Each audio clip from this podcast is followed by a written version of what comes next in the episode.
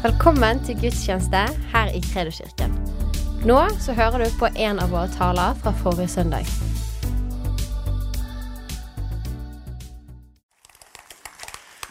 Det vi opplever litt, det er ikke at vi skal ha vår store ministry i Israel.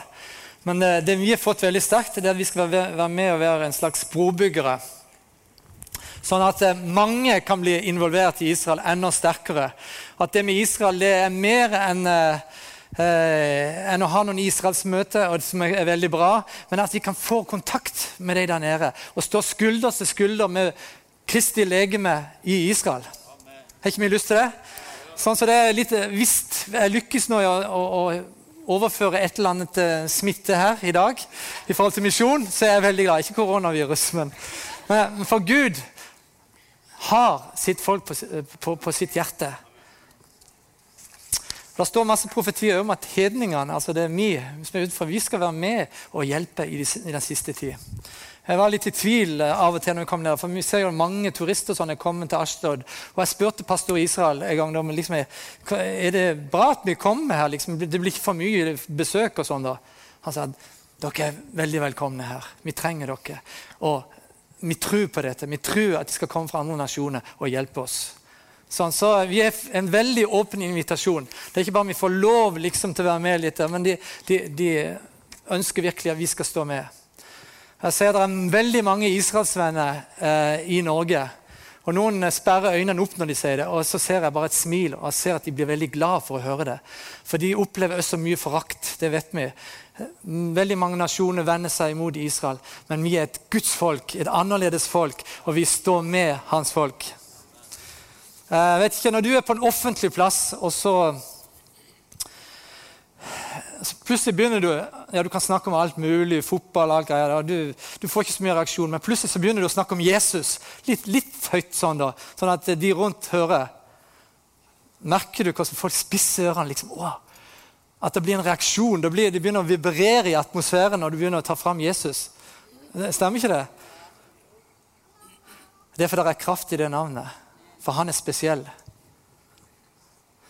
Men vet du hva? Også når du sier noe om Israel, så får du litt den samme wow, Hva er det de sier? Hva de sier om Israel?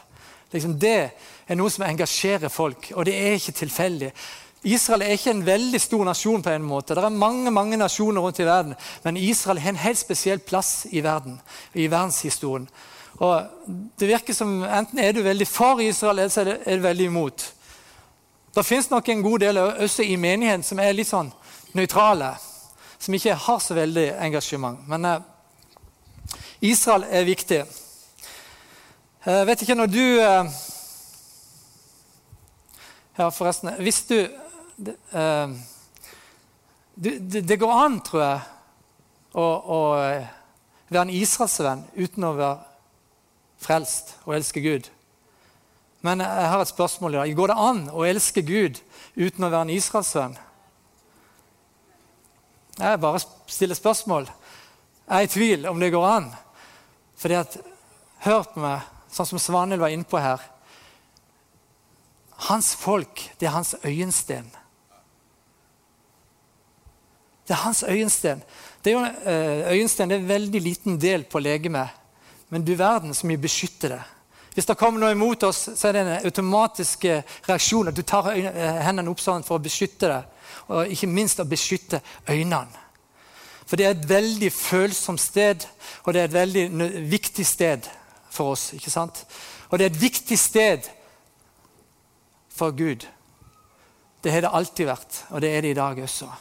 Så, som, så Gud sier sjøl at den som rører ved mitt folk, han rører ved min øyensten.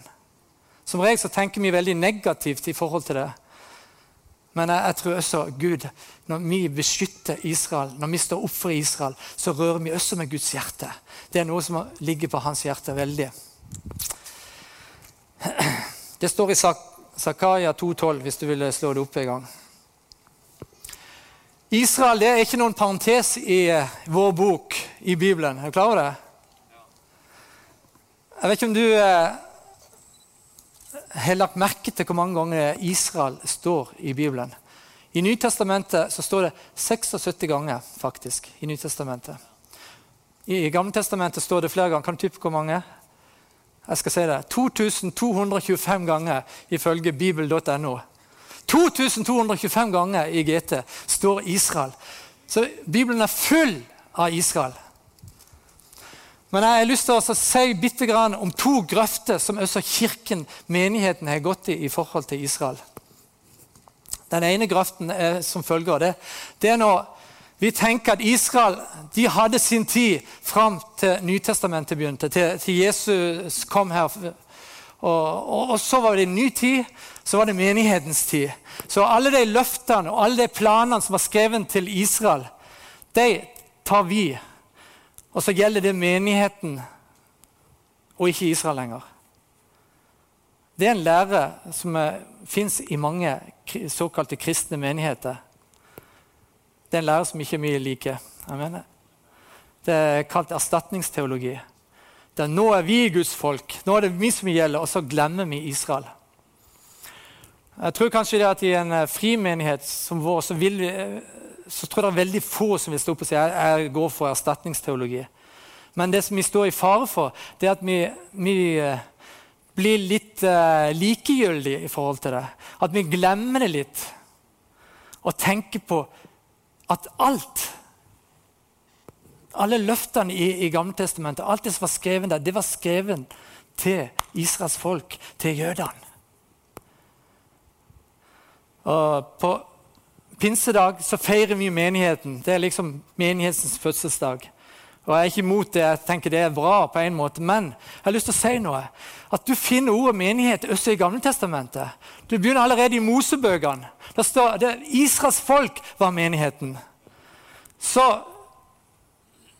når vi kom fram til Nytestamentet, så fortsetter menigheten egentlig. Det begynte på en måte ikke på pinsedag. Det begynte med Israels folk lenge før det. For de var podet inn i oliventreet. Eller de var oliventreet. Og så ble vi poda inn i det i den nye pakten. Amen? Jeg ønsker vi skal få litt sånn rett forståelse av hvor viktig Israel er. egentlig. De er ikke en parentes. Vi kom ifra dem. Og jeg kjenner jeg, jeg er Abrahams ett. Jeg får lov til å bli en del av det ved Guds nåde. Og Paulus han underviser om det. Du kan, hvis du ønsker å sette litt mer inn i dette, her, så anbefaler jeg å lese Romene 9, 10 og 11. Der står det ganske mye forklart om disse tingene. her. Men eh, for, med litt sånn fri oversettelse kan du se det. Paulus sier det at hvis du blir litt høy på pæra, tror det er liksom du som er den viktige. Det er du som er bærer treet. Så må du tenke om her. For vi har blitt poda inn. Det er ikke vi som bærer treet, det er ikke vi som bærer roten men det er roten som bærer oss. Og det er helt ifra Israels folk. Og vi er så heldige at vi også har fått helt del i sammen med deg. Amen? Så jeg tenker jeg får en takknemlighet til Jesus som han jøde, ja, men også til folket og til den ætten som har gjort at vi kan stå her i dag og prise Gud. Israels Gud. Han er vår Gud. Halleluja. Så eh, det er viktig å holde seg midt på veien. Ei grøft er denne grøfta, da. Men så fins det ei grøft til. Det er når Israel blir altoppslukende. Når det er liksom Og jødene de blir, de blir så fantastiske at de trenger nesten ikke Jesus. At Jesus han er noe spesielt for deg. Liksom, for de, de, er jo så hellige, det er Guds hellige folk, og de har fått løftene og alt. Og de liksom bare går rett igjennom. Vet du hva? Jødene er like fortapte som en bergenser uten Jesus, sin Messias. Det er ikke noe omvei for en jøde. Og Det er også veldig viktig at vi forstår det. De er, ja, de er et spesielt folk. Men Gud sa bare rett ut også at de, de er gjenstridige folk. De er et hardnakka folk. Du kan komme til Israel, Jeg har hørt mange si at det var sånn fred når jeg kom til Israel. Å, fantastisk. Men snakk du med noen av de messianske jødene der nede, så er ikke sikkert de sier at det er bare fred der. De kjenner på et, sånn en strid og sånn en kamp, og de konfronteres med synd og alt mulig. det er nesten eh, vondt å si det, men, men, men, men, i Israel så sier de at det er, det er flere som er blitt, abortert bort, babyer, enn det som, er, som døde i, gjennom holocaust. Altså, dette er Israel. Og det, det er hellige folk, ja, for Gud er utvalgt dem. Men det er ikke sånn at alt er perfekt der. Tel Aviv det er kalt homo, uh, homoseksuelle, de homoseksuelles uh, hovedstad. Kan du tenke deg? Alt er ikke så hellig og rosenrødt som vi, vi av og til tenker. Det er et folk som virkelig er i desperat behov av Jesus, sin Messias.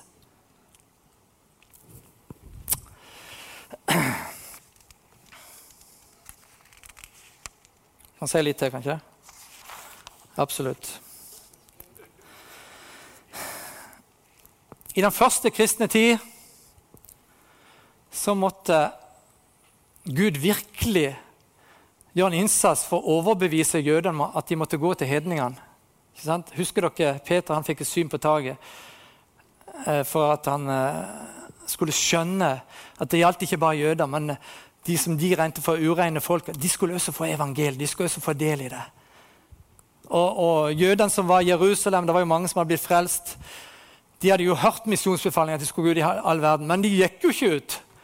Så det endte jo opp med at det ble hungersnød i Jerusalem. Du kan nesten lure på om det var Gud. Han tillot det iallfall. For da ble de spredt. Det ble forfølgelse og hungersnød. De ble spredt utover hele området der. Og da begynte verdensevangeliseringen.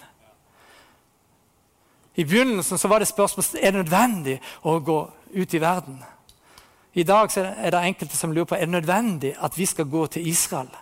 For det er også noen som har den tanken, eller ut ifra Skriften så er det at de har jo fått et, et slør for øynene. Og i tidens fylde, i den rette tid, så skal det, det, bli tatt vekk, og så skal de bli frelst. Sånn at Det er Guds oppgave. Han skal gjøre det i sin tid. Vi skal ikke stresse med å evangelisere jødene. Den læren eh, fins. Men er han bibelsk? Nei. Det er sant at det er et slør for øynene. det er verdt et slør. Men jeg tror at vi lever i en helt spesiell tid nå, der Gud tar vekk det sløret. Amen. Og det Jeg skal begrunne det litt. Jeg skal lese fra Esekiel. Esekiel kapittel 36.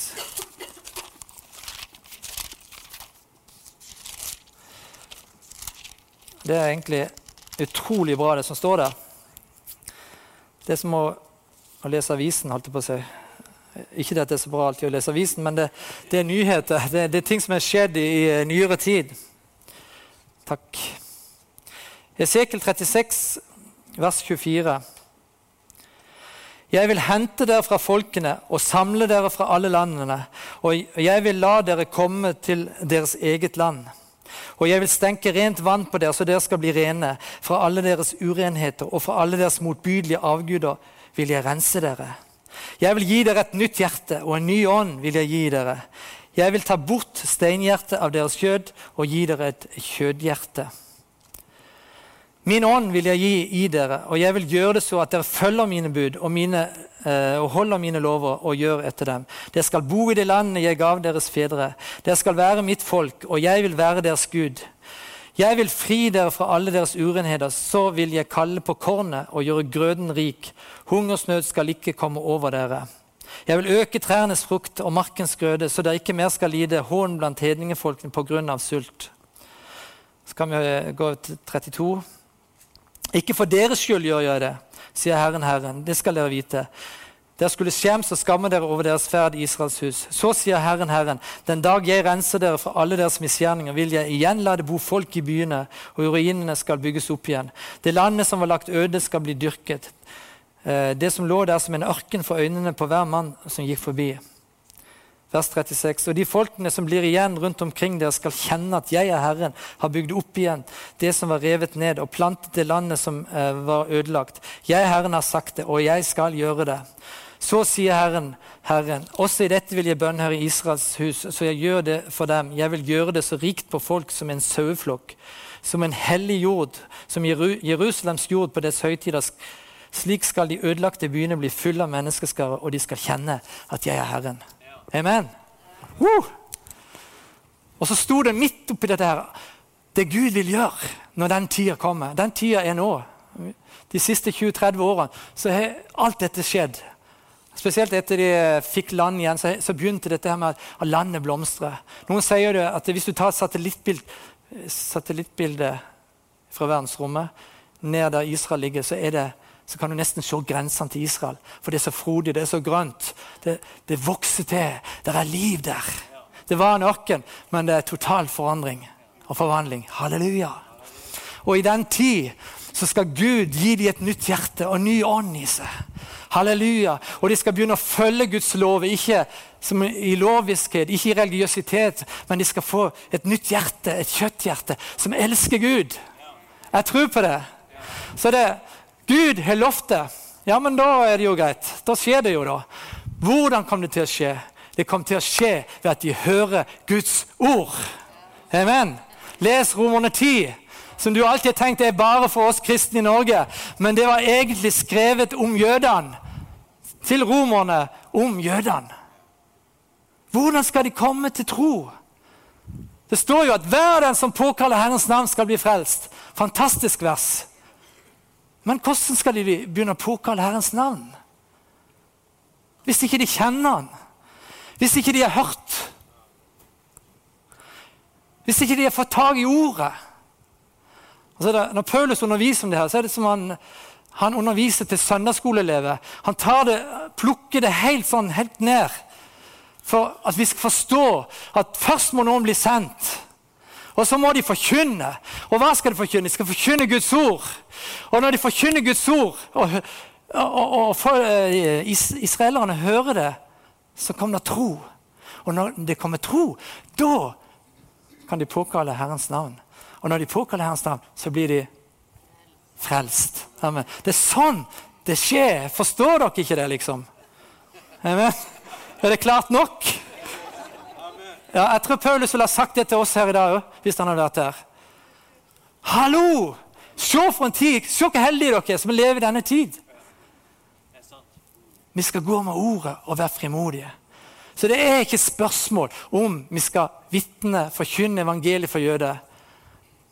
Men det er et stort spørsmål hvordan. For jeg tror det er spesielt Vi har såra såkalt eh, kristne, og Kirken har såra det jødiske folk så sterkt. Så det som er blitt gjort de siste tiårene med barmhjertighetsarbeid og hjelpearbeid, det har vært så nødvendig. Det har vært som bonden som har pløya opp jorda, som har gjort jorda klar til å kunne ta imot såkornet. Og jeg tror en skal fortsette med barmhjertighetsarbeid. Og det må gå hånd i hånd med at vi begynner å så enda mer. Og vi vanner, og vi skal også få høste. Høste. Tusen takk for at du lyttet. Følg oss gjerne på Instagram og Facebook, og så snakkes vi neste uke.